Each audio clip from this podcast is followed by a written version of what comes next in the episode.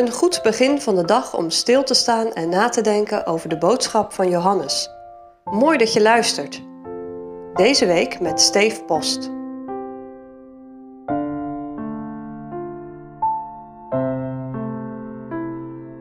Gelovige schapen volgen. Ik ben het licht der wereld, zegt Jezus in het hoofdstuk dat de laatste twee dagen centraal stond.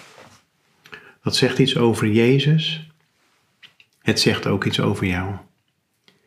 Jij bent blind geboren. Je leeft van nature in duisternis. Er is maar één licht dat je ogen kan openen: Jezus. In hoofdstuk 10 is weer zo'n ik ben uitspraak. Twee zelfs. Ik ben de deur. Jij staat buiten. Ik ben de goede herder. Jij dwaalt in deze wereld steeds verder bij mij vandaan. Hij is de goede herder. Hij volgt jou met zijn vriendelijke ogen. Hij ziet er naar uit dat je je omdraait, dat je je bekeert. We gaan lezen in Johannes 10, de eerste zeven versen. Voorwaar, voorwaar zeg ik u, die niet ingaat door de deur in de stal der schapen, maar van elders inklimt, die is een dief en een moordenaar. Maar die door de deur ingaat, is een herder der schapen. Hem doet de deurwachter open en de schapen horen zijn stem. Hij roept zijn schapen bij naam en leidt ze uit. En wanneer hij zijn schapen uitgedreven heeft, zo gaat hij voor hen heen. En de schapen volgen hem, aangezien zij zijn stem kennen. Maar een vreemde zullen zij geen zins volgen, maar ze zullen van hem vluchten, omdat ze de stem van de vreemde niet kennen. Deze gelijkenis zei Jezus tot hem, maar zij verstonden niet wat het was dat hij tot hen sprak. En Jezus dan zei weer tot hen, Voorwaar, voorwaar zeg ik u, ik ben de deur der schapen.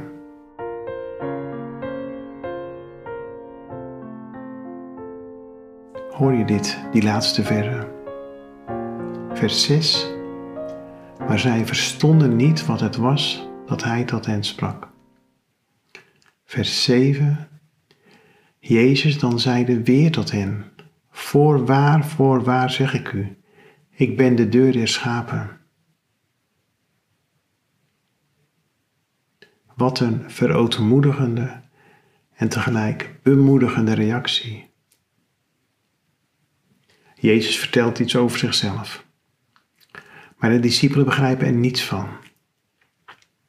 Maar wat heeft Jezus dan veel geduld? Hij gaat het nog een keer uitleggen.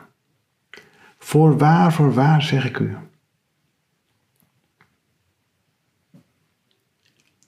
Heb jij dat nu ook wel eens? Dat je denkt, zou de Heer niet moe van me worden? Hij blijft me maar achterna lopen met zijn woord. En dan, hoe vaak heb ik al niet beloofd dat ik het morgen beter zal doen?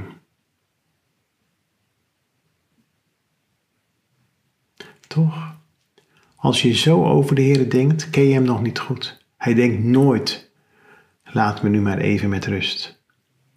Hij is genadig, geduldig en barmhartig. Zou jij deze Jezus willen leren kennen? Is dat je verlangen in je hart? Of denk je nog steeds, wat word ik er beter van?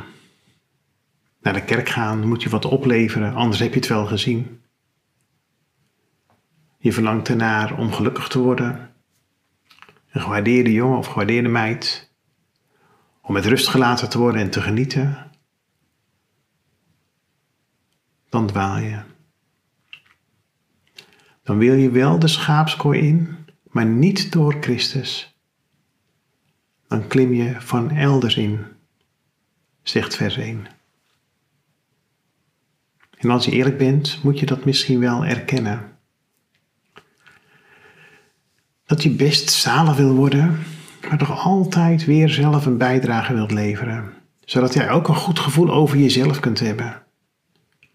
Hoe je probeert de Heer Jezus te volgen, hoe je probeert tegen de zonde te strijden.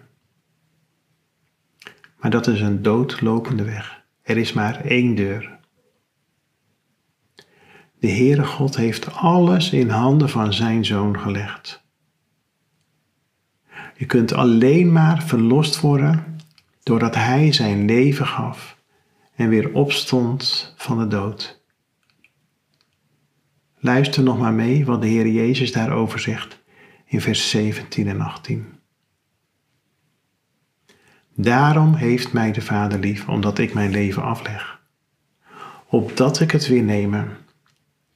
Niemand neemt het van mij, maar ik leg het van mijzelf af. Ik heb macht het af te leggen en heb macht het weer te nemen.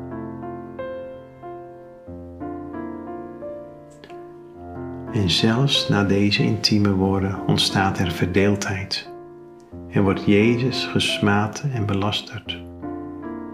Wat is de mens?